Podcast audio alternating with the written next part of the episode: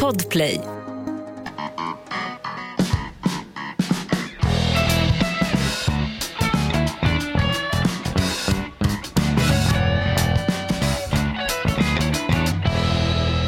Glädjens herre var en gäst i vår podd idag. Gör vår pratstund, eller vad är en podd Hans? Det är ju många nytillkomna poddlyssnare som inte har en aning om vad det här är för skit alltså. Nej, Hur det, förklarar man för gamla människor, de som byggde upp det här samhället, kanske är uppväxta i en utdragssoffa på getmjölk och skorpor och skit och kanske har en fattigpension på under 16 000 spänn så att man räknas som en fattigpan... eh, Vad är, fattigdoms, vad är fattigdomsstandard? Det är mycket frågor nu Hans. ja, det Sorry. är väldigt många, men du svarar på de flesta själv så jag Ja. kommer ganska lindrigt undan ofta i den här podden. Jag sitter ju här mest. Det, det är Ataraxen 0,5 milligram, nu toppat med eh, Sobrilox som är en ny form av Sobril. Mm. Nej men vad är en podd Hans? Hur skulle du beskriva? Nu är vi ju stora, vi ska ju livepodda och det är annonsörer och skit som Lindskov har lurat in i det här. Vad är Ja. en podd? Eh, normalt så är det väl eh, ja, en eller flera personer som talar va? I ett specifikt ämne eller? Eh, det kan det vara, men inte just den här podden tycks ju ha lite olika ämnen samtidigt. Så att Mm. eh, man, eh, jag tycker det är ganska svårt att och, eh, på något vis formulera en, en korrekt beskrivning av en podd. Men egentligen är det väl ungefär som ett radioprogram, va? fast utan musik. Fast vi har ju Och musik fy också. fan. Ja, visst har vi musik. Vi har ju framförallt eh, det som har gjort Inaktuellt till en av Sveriges absolut mäktigaste poddar. Mm. Och den enda podden som Stefan Ingves, gamla avgående riksbankschefen, lyssnar på. Det är våran country, våran outlaw country. Ja. He was so thin I All right. swear you could have used him for a whip. He had to drink a beer to keep his britches on his hips. Ah. I knew I had to ask him about the mysteries of life. He spit between his boots and he replied, It's Faster horses, younger women, older whiskey. more money. Ja. Det det är parollen för hela podden va? Ja, här beskriver ju han också vad, är, vad handlar livet om. Det är faster horses, younger women, older whiskey och more money. Men det är alltså Tom T. Halls, han, han klär ju av det amerikanska kommersiella samhället Hans. Här blir jag lite grann Menejev, en av de första som satt i bolsjevikregimen 1917, historisk referens. Inte februarirevolutionen, den var ju för fan demokratisk. Nej, det ska vara massmördarrevolutionen. Ja, den riktiga revolutionen. Ja, Lenin som gör en grej det fortfarande har när han byter om till eh, frottétofflor hemma i, han bor väl i Dalarna nu Greide va? Mycket Eh, frågor här. Ja, det borde han väl göra. Han är väl ändå chefsredaktör fortfarande för Dala-Demokraterna, eller en kulturchef kanske, förlåt mig. Han kommer vara chefredaktör för Dalademokraten så Ja, länge. han är på livstids, ungefär som Stalin var under Sovjettiden. Eh, man får vänta på hans frånfälle för att få en ny regim där. Så länge Dalademokraten uppbär pressstöd från svenska jobbares utslitna ryggar så sitter nog Göran Greider ganska säkert faktiskt. Han ingår ju också i scenografiförrådet va, i, eh, på Sveriges Television. Ja, precis. De dammar av honom, ställer in honom och hans lu- lustiga hår i olika debatter och så. Han är alltid, är alltid njutbart att lyssna på honom tycker jag. Eh, han, han, ehm, eh, jag tänkte på det här, vi, ibland så uppehåller vi oss vid det förgångna här i podden. Den heter ju Inaktuellt och vi har ju en hel historiska referenser. Det kan vara eh, det kan vara Falklandskriget eller det som hände på Näset under eh, fortsättningskriget eller om det var fi- finska vinterkriget. Vi behöver inte säga, ens säga Karelska näset längre, Nej, där näset. fortsättningskriget kulminerade då med den, eh, när den första ryska arméfronten Eh, nej, de sprängde ju inte broar på den tiden. Vilken jäkla smäll hörde den där bron de sprängde. Ja, det, det ser ut som ett terrordåd mer eller mindre. Man har kört en lastbil fulltank, fulltankad med trotyl va? Och sen har man sprängt den precis när den passerar ett eh, godståg med eh, eh, brännbara vätskor. Så det var ju en rejäl jäkla smäll faktiskt. Men Det här var ju värre när Akilov tog, last, tog Ja, lastbilskortet det. på Drottninggatan i Stockholm. Vilken smäll! Och så säger Putin, det är, terror, det är terrorister vi är utsatta för. Klipp till städer jämnade med marken. Ja, ja, ja. Inte bara av juicebussen och de svenska grabbarna och tjejerna och transerna som är nere utan av, av ryska, Mm. ryska militära förband, militära enheter helt enkelt. Vad säger Paasikivi, han med basken som vet och kan allt i Aktuellt varenda kväll? Ja, vid det här laget så har han väl gjort någon eh, karta ungefär som Rit-Ola, du vet gamla AIK-backen som, som eh, ofta, ofta var med i tv och ritade hur, hur lagen spelade och så vidare, hur de dök upp på flanken när de spelade in i mitten och så vidare. Paasikivi han kör ett liknande system då fast då handlar det om krig. Men vad Men han pratar du? om det som, som det vore en sport, ett sportevenemang ungefär. Så han, han har ju hittat en bra form där, eh, Paasikivi. Han har ju förnyat eh, eh, krigsjournalistiken på något sätt. eh, Och, och, och, så att det gör det ju väldigt intressant Kan att det följa bero- det här kriget. Kan det bero på att vi inte hade någon krigsjournalistik? Vi hade ju möjligen Magda Gad som åkte runt och Mm. räknade loppor i skägget på talibanerna. Hon gjorde ett jättejobb Ja, Magda Gad i verkligen. Afghanistan. Sen har hon, vad är det hon har gjort nu Magda Gad, denna prisbelönta Expressen-journalist som blev så jäkla förbannad när Anna Hedemo satt i en varm, trygg tv-studio och frågade om hennes sexuella tillhörighet. Ja, ja, det tycker jag var lite opassande. Men det där har vi ju, vi har ju redan sågat Anna Hedemo vid fotknölar om det där. Det är alltid vanskligt att ge sig på folk. Kommer du ihåg förra avsnittet när vi gav oss på den här stackars Anna Wahlgren? Va? Alltså. Eh, hela Sveriges mamma som gav ut Barnaboken, en bibel för generationer av mödrar och fäder givetvis. Eh, Nej, det- så det var- sa vi lite grann att hon var hatad av alla sina nionde barn och som klipp till dog hon plötsligt. Fast ja, så fä- jävla typiskt. Ja, det var ju väldigt märkligt Hans och det är inte första gången som vi nämner någon i podden och sen trillar vederbörande av pinn. Nej, det är en Fri- regel skulle jag vilja säga. Ja, Frida Hitler Eh, Ja, faktiskt. till exempel. Eh, Gustav Olivekrona också, Torsten Liljekrona, farbror Melker. Jajamän. Han var ju också omnämnd Det är här. ett jävla manfall helt enkelt Ja. i den här podden. Det är Eh, mer så- manfall än i Wagnergruppen eller Kadyrov och hans hejdukar. som- Tjetjenerna. Ja, han ska ju gå in nu. Använt kärnvapen, vad fega ni är säger den där Kadyrov. Mm, Galen för fan. Men du, jag tänkte på det här med Anna Wahlgren, du sa att fäder Många mammor har att tacka för henne. Hon har ju märkliga uppfostran. Hon hade ju en, en Mm. Ja, lite mer hårdhudad stil så att säga. Man ska inte vara pjoska så mycket med ungarna. Det slutade med att alla hennes ungar avskydde henne. Ja, det stämmer. Eh, I alla fall har jag inte sett någon av hennes barn skynda till och skrivit någon hyllande nekrolog utan hon har Inget. fått förlita sig på kollegor, andra skrivande kvinnor som har sett, eh, sett eh, Wahlgren som en stor inspiration, en inspiratör och Ja. det tror jag också att eh, eh, så kan det vara. Alltså att, eh, att hon har ändå en betydande gärning bakom sig. Sen kanske att hon var inte så vidare värst som själva mamma. Sen är det alltid så. Ja. så det gäller ju för oss också Jonas, även om vi är paradfäder så kommer ju våra ungar skriva en självbiografi och säga att vi gör riktiga skitstövlar också. Tror Absolut, du inte och jag, Ja, hopp, jag hoppas på det. Gör vad du vill Erik, men nämn inte mig i någon förbannad biografi. Inte vid namn i alla fall. Kalla honom för Petri. Nej men nämn inte honom för fan. Nej men alltså. det, var ju, det är ju en omskrivning för dig. Det, Jo, jo, det, det, visst. Petri finns ju inte, det vet ju både du och jag och din son Erik. Exakt, vi säger så. Hörru du, eh, nej men grejen är du säger eh, Anna Wahlgren var en inspiratör och när hon kom så var hon inte dugg omdiskuterad men sen blev hon ju det och det blev till slut så att social eh, sociala myndigheter gick in och, och fick stopp, försökte stoppa hennes böcker där hon sa att man skulle trycka på bröstkorgen på ungar som skrek för mycket. Man skulle, barn som ligger och skriker i någon vagga eller möjligen då historisk referens som Moses låg och skrek i vassen så skulle då Herodes inte plocka upp honom utan lå- låta honom skrika klart så att Ja. inte ungen får en signal in till eh, vad heter, vad heter längst fram det som jag hela tiden använder när jag pratar Hans? Myggo,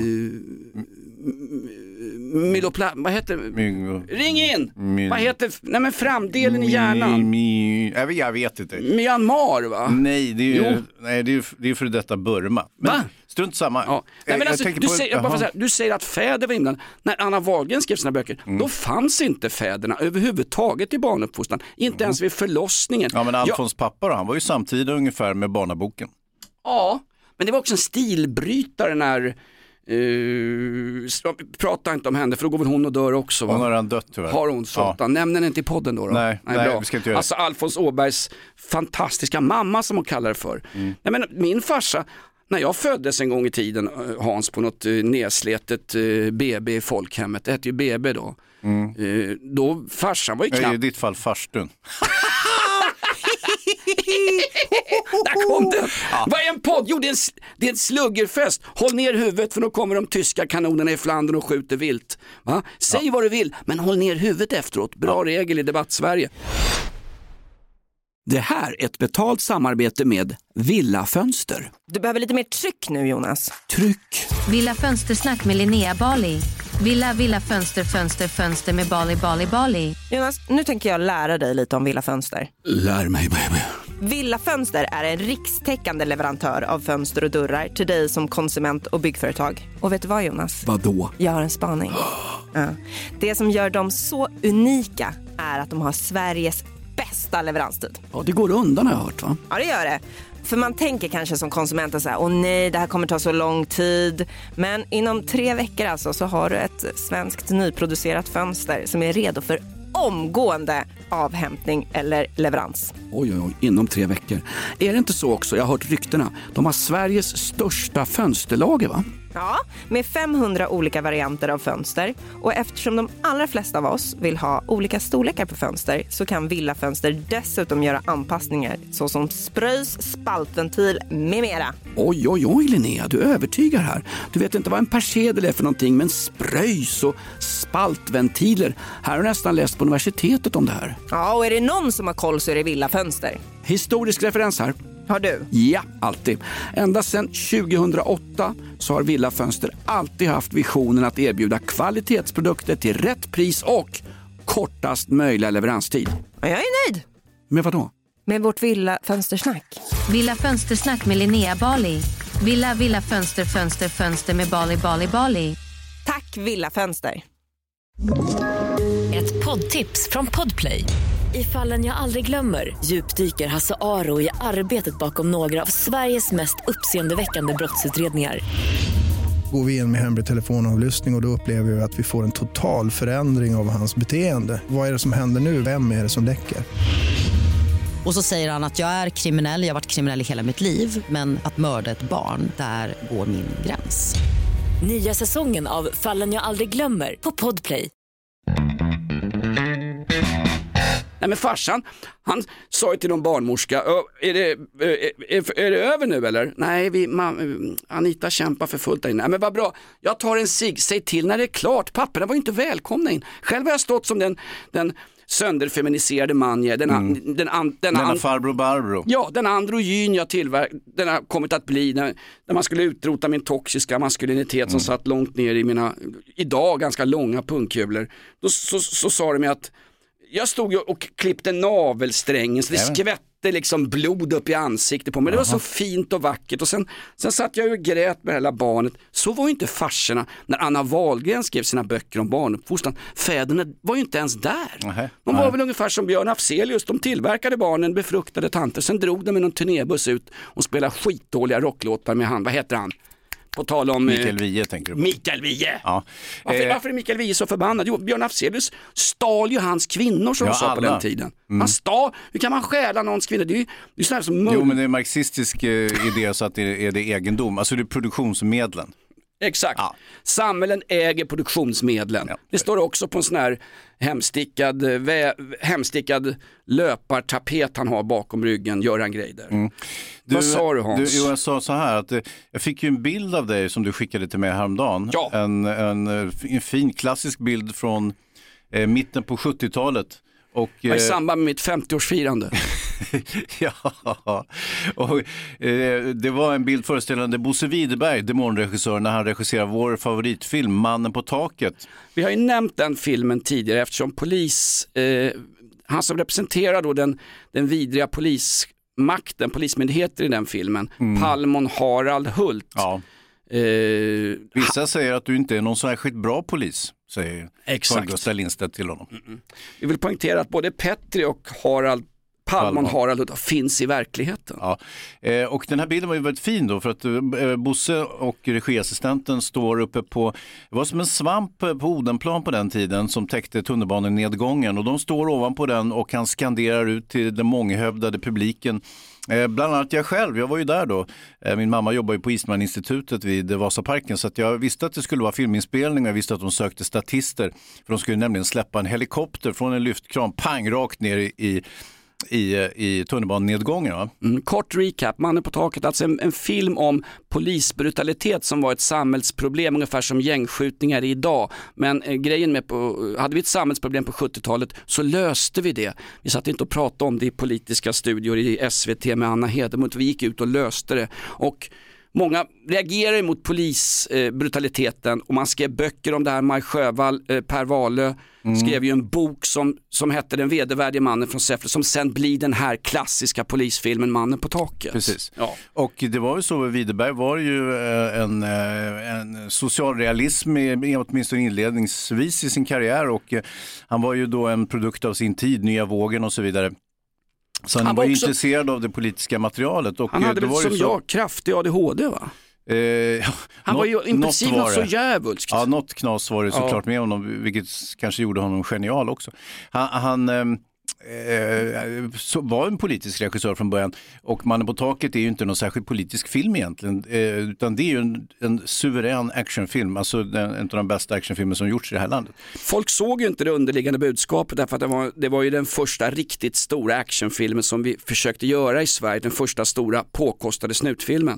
Polishelikoptern, det var väl en kasserad polishelikopter som man då skulle krascha i, en, i slutscenen på filmen där en mördare Uh... Mannen på taket, eller den vedervärdige mannen eh, från, Säffle, han sitter uppflugen på ett, ett, ett tak på huset mitt emot Ismaninstitutet faktiskt. Och där sitter han med och han har med sig ett eh, vapen med militär ammunition och så vidare. Så han prickskjuter de här helikoptrarna när de flyger förbi. En av helikoptrarna blir så illa träffad att den så småningom segnar ner och trillar då eh, ner på Odenplan. Och den här scenen då fick jag ju se och det var ju väldigt spännande. Bosse hade ju inte alla tillstånd, heller, han var ju inte så noga med den biten utan det var ju, var ju lite grann rebell, lite sån här gerilla eh, filmsinspelning. Men, En- en men, men det, jag, det jag fastnade för Jonas, det, det var ju den här bilden du skickade till mig och bakgrunden, bakom Bosse, Bosse Widerberg så ser man min lägenhet, min balkong där jag bor nu. Jag stod alltså på gatan framför honom och eh, så jag får ett perspektiv av både liksom eh, eh, framtid och historia i en och samma Bosse Widerberg-bild. mm, exakt. Och sen ska du veta Eh, med den här lägenheten, jag försöker då eh, zooma in bilden för att se, för det står tre personer, eller möjligtvis två personer på min balkong då i mitten på 70-talet. Eh, det ser ut att vara en ung kvinna och en ung man och någonting lite otydligt i mitten. Och du ska ju veta en sak om min lägenhet. Det det är ju många konstiga människor som har bott i den, inte bara jag utan en massa andra också. Vill du se den här bilden så finns den alltså i en bok som jag läser precis nu. Nej, jag läser inte Annie. Men du tittar på eh, Nå, nej du tittar på bilderna i en det, bok. Ja, det i en en annan bok. fantastisk eh, biografi om just Bo Widerberg som var en helylle galning som gjorde vad han gjorde och sen fanns det ju då, det var ju som en, en guldskatt med pengar att ösa ur det här som det här skrytbygget, Filmhuset på Gärdet som Jörn Donner, en alkoholiserad finländsk kulturdebattör, lurade eh, Nej, fan heller. Nu skyller jag på finnarna igen. Ja, det var Harry Schein som Ja, var själva Harry arkitekten Schein. bakom film, Filminstitutet och det stödsystem som sen kom att eh, prägla svensk film. Men Eh, på Jörn Don- gott i, i, många stycken men så småningom mest på ont faktiskt. Ja. Jörn Donner såg ju till att det här kunde fortleva. Det var ju en, ett jäkla patriarkat, det var ju toxisk maskulinitet. Jörn Toxiska Donner... sossar. Ska vara PT, ja. Exakt, faktiskt. Nej, men det var ju socialdemokratin, Olof Palme och de sa ju att Harry, Harry Schein, vill du skaffa, vill du, vill du, Harry Schein, vem, var, vem var Harry Schein? Tysk krigsflykting, historisk referens, andra världskriget, googla gärna. Hans far stred i Stalingrad, kom som krigsbarn till Småland, var allmänt dryg, han var ju en överklasspojke ifrån Österrike från Wien, den här Harry Schein. Spelade tennis med Palme och han var ungefär som jag, en jävla snackpåse. Till slut det slutade med att han blev någon slags halv inofficiell minister i Palmes regering. Ja, liksom. det Här fanns- pratar vi om nomenklaturan, socialdemokratin. Ja, eh, på något vis så vill man nog gärna se Widerberg där också. Hans, Ja. eh, hans debutfilm, Kvarteret Korpen, var ju en svidande uppgörelse med det gamla fattig-Sverige från 30-talet och så vidare. Tommy Berggren i huvudrollen som den urspårade sonen som vill bli författare och konstnär medan hans Eh, hans pappa spelas av Keve Hjelm Ja. och är, är en, en, Ke- en, en hustrubankare, alkis och så vidare. Ja, en klass, klassisk en pappa i 30-talsskildringen. En tidig Örjan Ramberg, en tidig Mm. Evert Taube, en, en kärringplågare helt enkelt. Keve Hjelm som idag aldrig hade kommit undan med ett sånt namn, idag hade han hetat Keve Cykelhjälm. Ja, det Alltid så tillrättalagt en hel svensk Ja. film. Men jag tycker också att du glömmer, var det inte gamla fina Emu Storm som spelade morsan i kvarteret Korpen. Det är ju en ung begåvad författare och det är alltså det, är ju, det handlar ju om Bo Widerberg. Hans farsa hade ju inga pengar alls, men det står också i den här boken om att hans pappa en gång i månaden så köpte han eh, rysk kaviar och så åt familjen en liten, liten eh, klick med rysk kaviar och så Ja. sa hans farsa, jag vet att det här om man inte smakar på det, det allra godaste som finns i livet så kan man lika gärna dö och vara en liten lort. Sen hade de inte ens råd att köpa pannbiff med utgånget, datgård, dav, utgånget datum från Nej. familjen Davgårds övriga dagar i Nej. veckan. Men en gång i månaden så ville hans tokalkade farsa bjuda på någonting. Ja, ja. Eh, det här satte väl spår hos Widerberg kan man föreställa sig. Det var ju så, han var ju känd för att stjäla grejer på sina Ja. egna inspelningar. Han snodde ju grejer och tog hem så att säga. Och, eh, det ska inte vara förtal av avlidna. Jag känner ju eh, Bosses son som är en väldigt duktig skådespelare. Väldigt Nej, bra, fast- bra kille, Johan Widerberg. För, jag ska inte prata skit om din far, inte alls på det sättet. Men, men det var ju, snacket var ju så, så att säga att han baxade grejer till höger och vänster. Och dessutom, han var ju så fattig när han var liten så de hade ju inte, han bodde i Malmös kåkstäder. Ja, och, under en sjö. nej men ungefär Och så. varje morgon var han tvungen att stiga upp innan han gick och la sig och städa sjön. Det var inte så? Det roliga med, med honom, det var ju så fattigt så att han, eh, han hade inga egna, de hade en nyckel till huset, de hade dass på gården, bla bla bla. Och han kom inte ens in i själva gårdsområdet. Så det finns ju en fantastisk skildring i den här boken som Bo Widerberg har berättat själv om att han någon gång var han, var tvungen, han kom hem från skolan, ingen var hemma, inga nycklar in på gården, det var helt öde, han skolkade väl förmodligen som jag gjorde. Han var tvungen att sätta sig och skita på trottoaren och det, där- det där kom att prägla Bos uppväxt. Det där med den totala utsattheten, att likt en fattig hund få bajsa på en trottoar Ja, i Malmö. ja. Det gör ingen Jo, som går, romerna som är här och arbetar från Rumänien. Ja, de gör det ja, men, det, men där är det ett, ett nationellt särdrag. Va? Mm. Kommer du ihåg romerna som stod och kastade avföring på varann? Nej, de är, förlåt mig, de är, det, var inte, det var inte avföring. EU-migranter. EU-migranter, förlåt mig. Vi har ju fri rörlighet, fri arbetskraftsrörlighet inom EU. Alltså, ja, ja, det är lite, lite parentes om, om EU-migrant-bajs där. Du, vad fan, jag såg... Eh, Men får- jag bara säga en nej, sak, det får du inte göra. Kristersson ska ju, han ska ju nu eh, rapportera till talmannen. I den här veckan, det är ju högintressant Jonas, hur fasen ska det gå? Vad ska han, det är den första blåbruna regeringen vi har haft på både länge och väl, men han har ju både, han har både Johan Goebbels, Jimmy Göring, Ebba Braun som man ska placera eh, på viktiga, ja inte Göring då, han får ju såklart som vanligt inte vara med, men de andra kommer vi få vara med. Viktiga poster, jo jag tackar ja.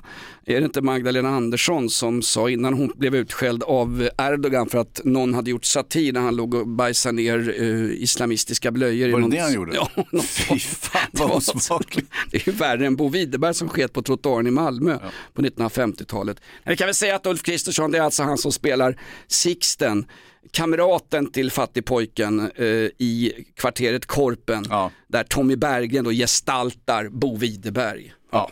Bo Widerberg kommer inte ingå i någon borgerlig regering. Kul också när sossarna Hans gnäller på att det tar för lång tid att få fram en regering. Var det inte 135 dagar det tog senast vi skulle ha en regering i det här landet? Det blir ju så när man har minoritetsregeringar och när man har suttit och lovat en massa skit i diverse studios.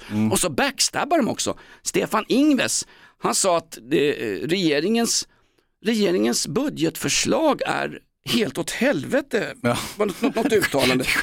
Kommer från, kommer från rätt kille, Ja, verkligen. hörru. verkligen. Ja, ja. ja, det är hårt. Han är ju sosse också, Ingves får man ju. Jo, han är ju, han är ju en socialdemokratisk ämbetsman och nu faller det där ju. Eh, Men strunt samma. Får jag återgå till den där fina bilden som du skickade till mig från eh, den här Widerberg-biografin då? Det- tillbaka till mästerregissören Bo Widerberg, den största vi haft för alla oss som tycker att, vad heter han, Ingmar Berglund är något överskattad. Ja, jag, jag håller väl kanske Bergman för högre. Intressant också att eh, hans första film här, då var det Jan Troell, eh, filmregissören, ja, in och utvandrarna du vet. En av Sveriges tråkigaste människor enligt uppgift. Ja, det vet jag inte, men Oh. filmerna är ju fantastiska hur som helst. Ja, det är möjligt att han är tråkig, men nu var han i alla fall då, han var plåtis ehm, till eh, kvarteret Korpen. Plåtis är alltså fotograf. Eller vänta nu, vad fan var det? Kanske Barnvagnen var ju Bo Widerbergs första film. Sitter, sitter och googlar din 1963. fan, det Nej, men fusk. kom ju samma år, Barnvagnen och Kvarteret Korpen. Skitsamma. Nu tittar jag på den här bilden som du skickade till mig. Jag tittar på människorna på balkongen som står på min balkong, fast i mitten på 70-talet. Och kommer ihåg en historia. Min granne upplyste mig om, jag träffade honom i porten någon gång och så sa han så här, du vad fan, eh, du din lägenhet den är ju rätt känd. Uh, jaha, vadå, hur tänker du då? För att eh, jag är kändis där, jag bor där. Eh, nej, nej, nej, nej, det är långt tidigare, 70-talet. Då, då, då var det ju spelhåla här vet du. Va? Ja, visst, visst. Och eh, det sitter en kula i väggen i vardagsrummet som de råkade tappa en, en revolver på golvet som gick av. Är det sant? Ja, visst förstår du. Eh, och till yttermera visso berättar han också att den har också en viss eh, filmhistorisk pregnans, din lägenhet. Tänker jag, ja, ja, ja, ja, man ser ju den i bakgrunden där när Widerberg står på taket och så vidare. Det är, det är här cirkeln sluts i podden Inaktuellt. Det är här själva ballongknuten mellan skinkorna på Bosse Hansson går igen och sluts Hans. Det var precis det jag trodde, men det var det inte. Va? Nej. Är det fel balkong? Nej. Jag skickar en bild till dig för att det är din balkong Ja, ja, ja, som syns i. Mannen på taket. Men det var, det var fel film. Fan! Vad är det rätt podd då? Ja. Är det Alex och Sigge där? Ja, det, nej, det var en helt annan film. Det var en vuxenfilm som hade spelats in där i mitten på 70-talet. Jo då, och, och han skickade den där till mig eh, på, på, på någon länk då, så att jag la, får ladda ner den. Jävla hårig, smutsig historia. Då illa ljussatta, finniga porrmodeller som, som snaskar. Och jag, jag Och ser ju här, tydligt. Den här porrfilmen var ju unik så tillvida att du inte hade sett den någonstans. Du har ju sett det mesta i svensk amatörporrväg sedan 72 och framåt. Nej, det stämmer faktiskt inte riktigt. Jag är inte, jag är inte så intresserad av genren. Just den här filmen eh, fångade mitt intresse eftersom jag kunde känna igen eh, den öppna spisen, balkongen då från andra sidan, alltså balkongen inifrån, eh, den som man kan se i Bosse Widerbergs Mannen på taket.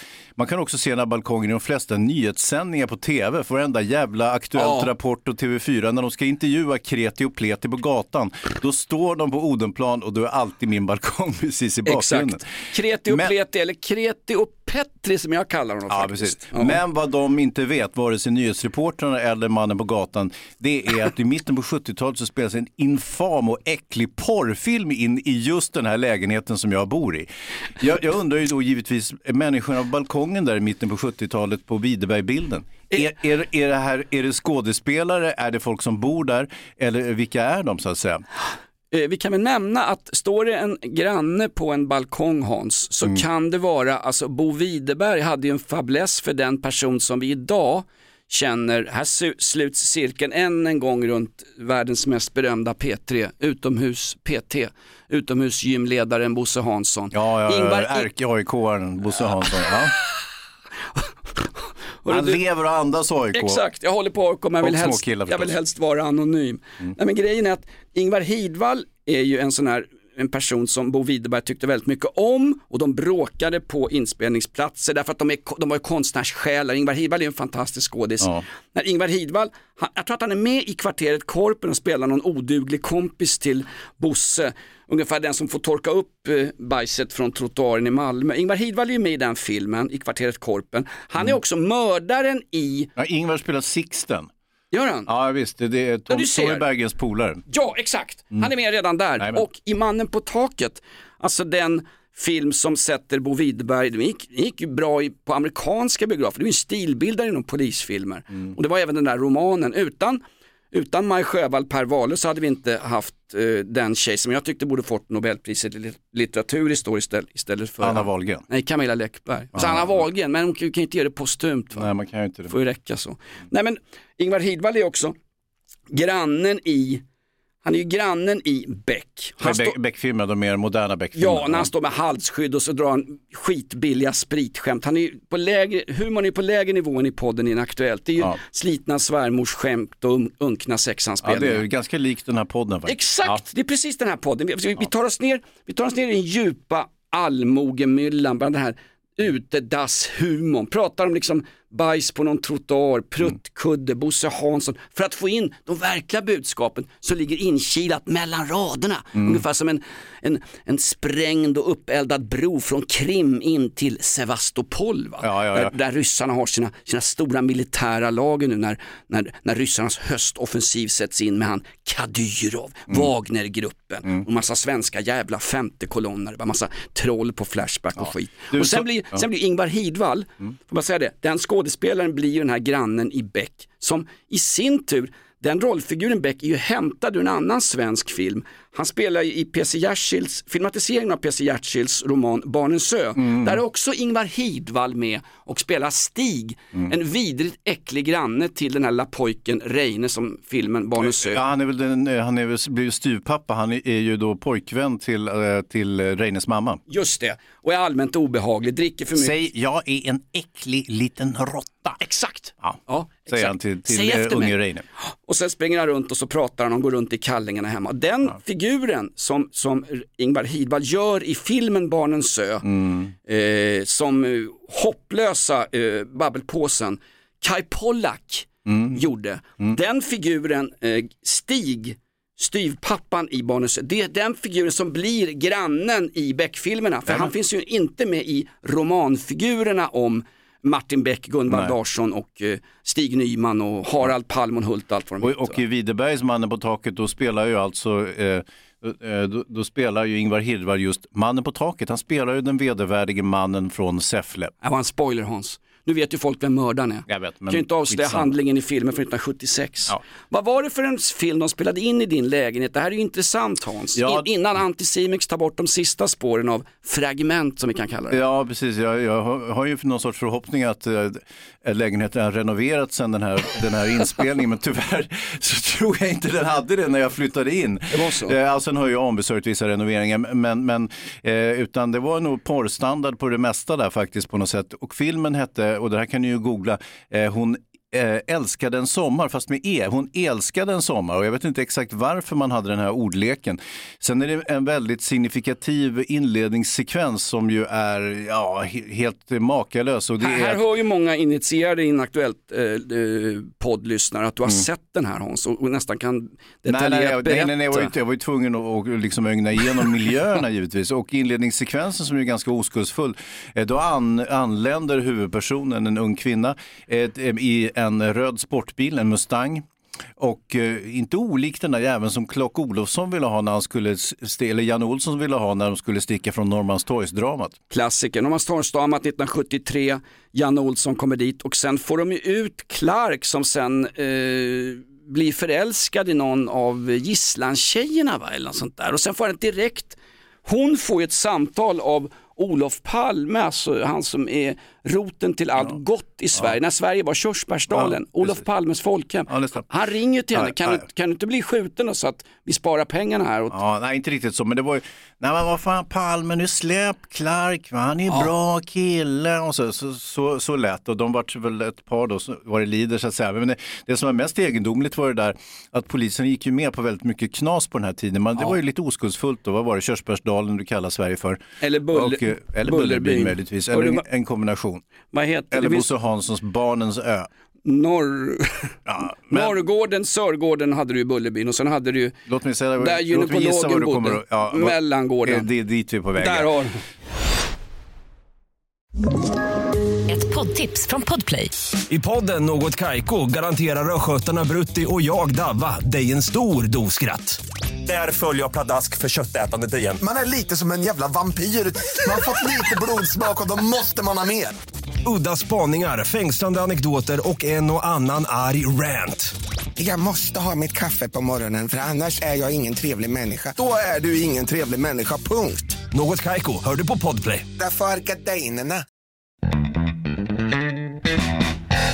Hur som helst att Janne Olsson då kräver att Clark ska, eh, som inte har med saken att göra överhuvudtaget, ska låsas upp, hämtas från eh, Hall och köras in till Norrmalmstorg. Det är ju, han försä- då försätter man ju en person som inte har med saken att göra i livsfara. Eh, Låt, låt gå att Clark då vid tiden är en känd bankrånare och har Jo. ingen dununge, men samtidigt man kan ju inte liksom skicka in en helt oskyldig civilist till en bankrånare som är beväpnad. Han var ju lite grann eh, bankkassörskornas Mick Jagger, Clark Olofsson, avskydd och hatad ute i varenda post och bankkontor men ändå Ja. sådär bad boy-älskad, ungefär som Ola Rapace av en begeistrad svensk eh, biopublik. Ja, eller, eller numera då Bill Skarsgård va, som Ja. spelar Clark i, den- i den här tv-serien på Netflix som, som är ganska lyckad på som är lite grann som, eh, man har tänkt, man, Jönssonligan möt, möter 70-talets eh, rånarkultur. Nej, men nu tänker väl du på den tunna blå linjen, kalkonfiaskot som SVT försöker lansera eh, där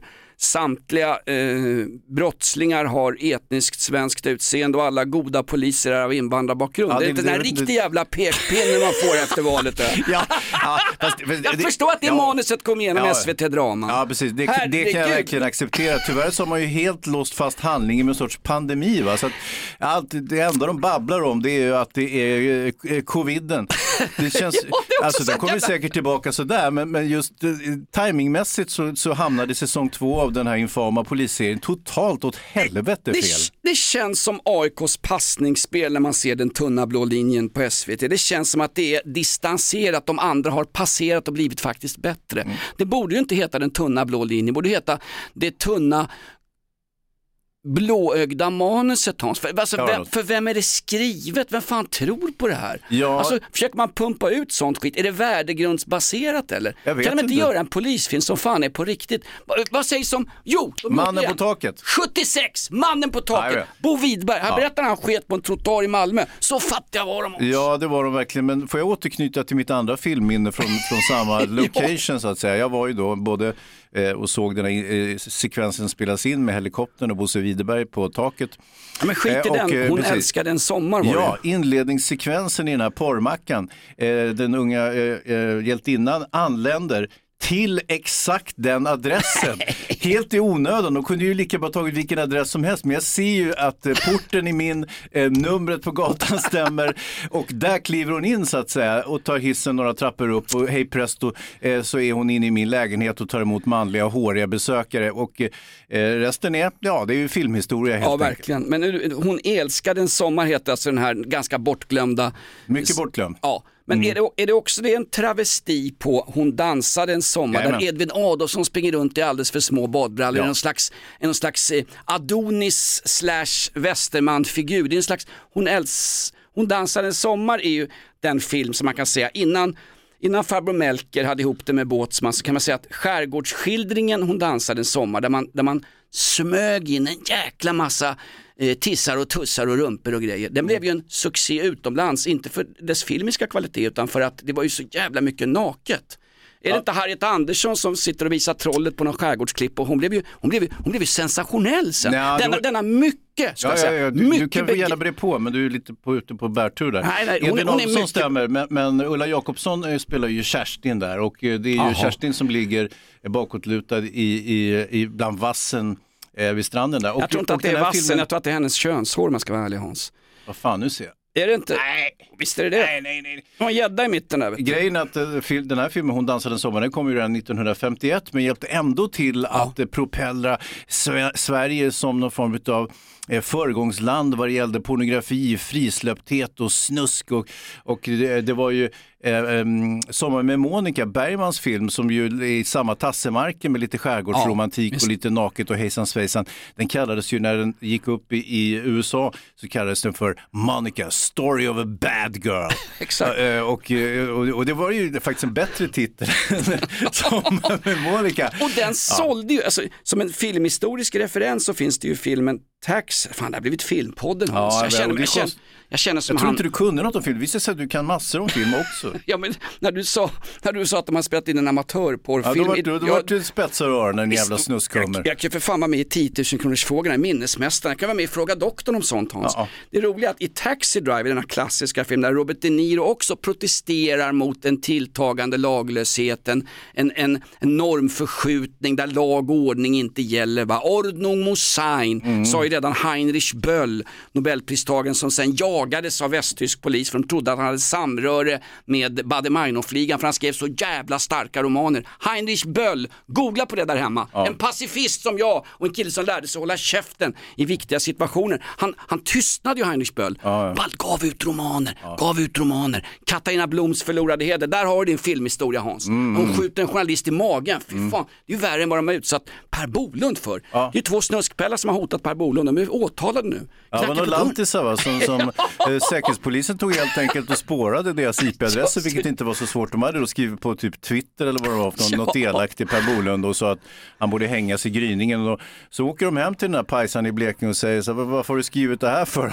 Han, han börjar ju darra på manschetten givetvis och säger då, nej jag, jag, jag minns inte att jag skrivit det här, måste ha varit på fyllan. Ja, jo, jo, det är många som skriver Twitter på fyllan. Fan, jag twittrade jag om Per Bolund, miljöpartist? Äh, nej, fan, det var Nej, inte. jag älskar honom. Jag, jag skulle, jag skulle twittra till hon Magdalena Andersson som började prata om Somalitands, hon som, som fullständigt misslyckades med att ta in det här jävla landet i NATO för att det satt en kebabkung Erdogan och sa, ja Finland kan gå med men Sverige, nej, nej, nej, nej. Mm. Ni har visat mig med, med, med en hijab som jag med en hijab som blöja era, era statliga satirprogram, det går icke det. Nej. Nej men just för att återkomma till svensk film, eh, Monica, Story of a Bad Girl.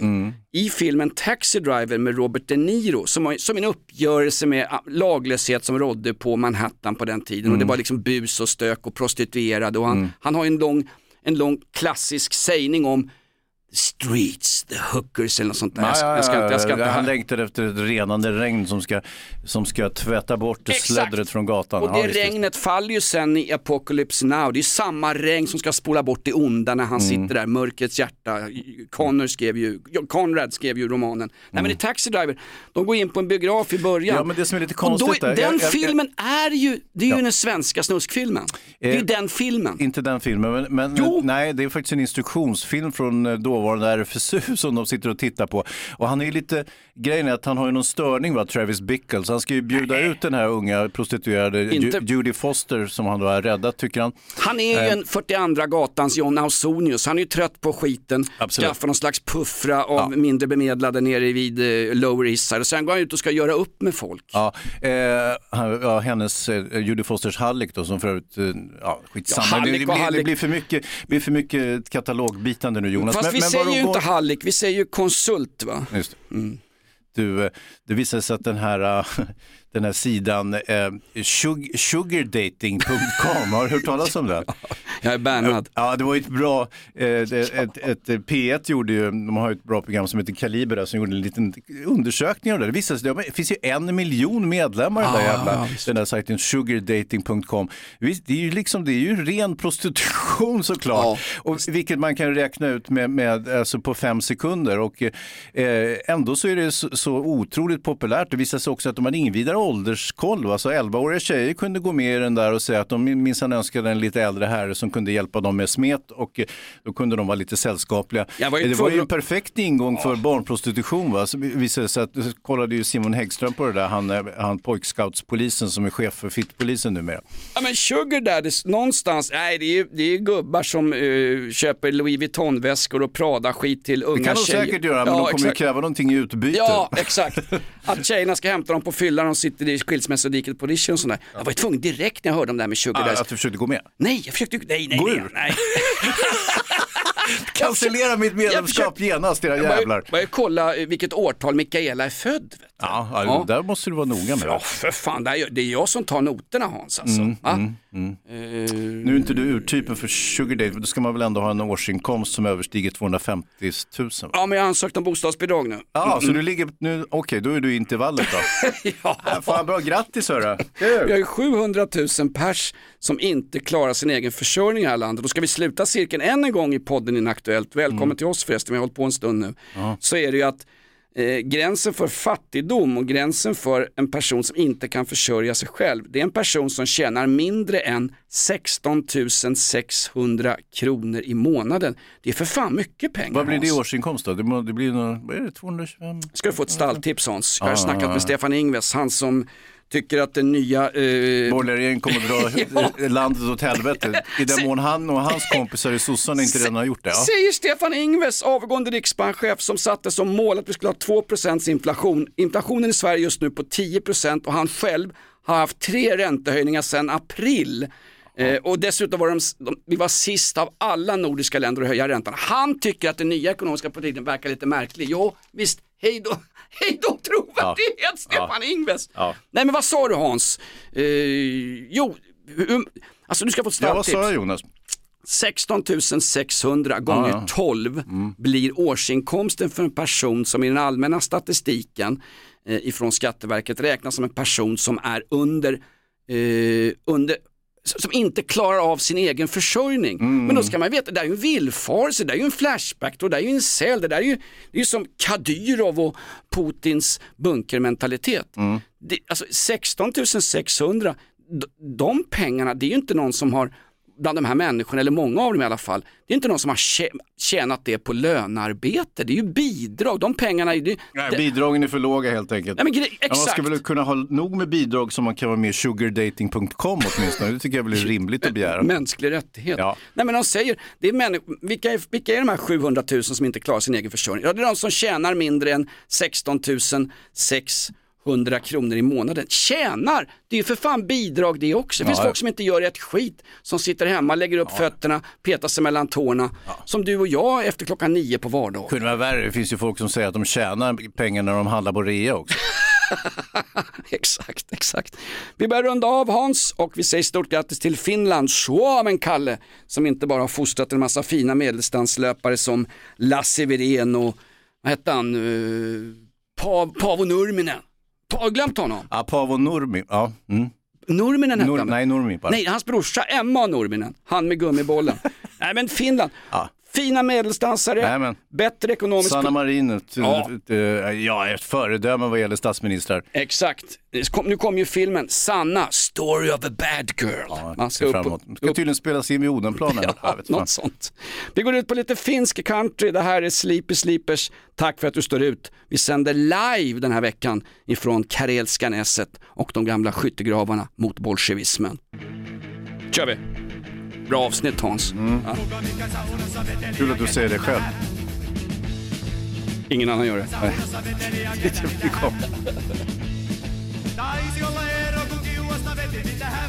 Jag tror det är farligt när vi pratar om Clark Olofsson, Ingvar Hidvall och Jan Olsson, gamla bankrånaren och kåkfararen. Nu kan ju de dö här som, eh, så fort vi nämner någon som inte så ofta nämnd så avlider de i samma Mm. Ja, vecka. vet, jag vet, jag vet. Mm. Hur fan löser vi det Hans? Eh, se till den där jävla Davva och klippa lite i den här showen för en gångs skull. Ja, vi ska börja med omskärelse. Vi kommer klippa bort det värsta ur den här podden. Absolut, vi är stora nu.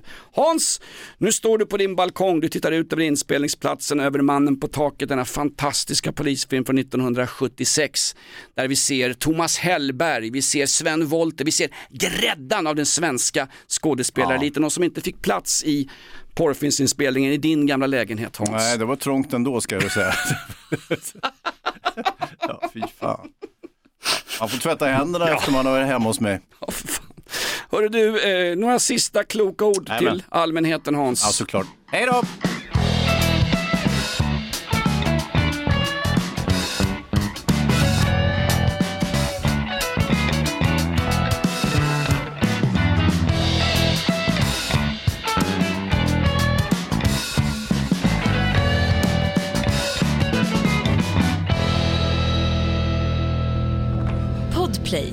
En del av Power Media.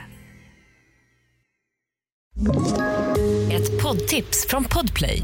I fallen jag aldrig glömmer djupdyker Hasse Aro i arbetet bakom några av Sveriges mest uppseendeväckande brottsutredningar. Går vi in med hemlig telefonavlyssning och, och då upplever vi att vi får en total förändring av hans beteende. Vad är det som händer nu? Vem är det som läcker? Och så säger han att jag är kriminell, jag har varit kriminell i hela mitt liv men att mörda ett barn, där går min gräns. Nya säsongen av Fallen jag aldrig glömmer på Podplay.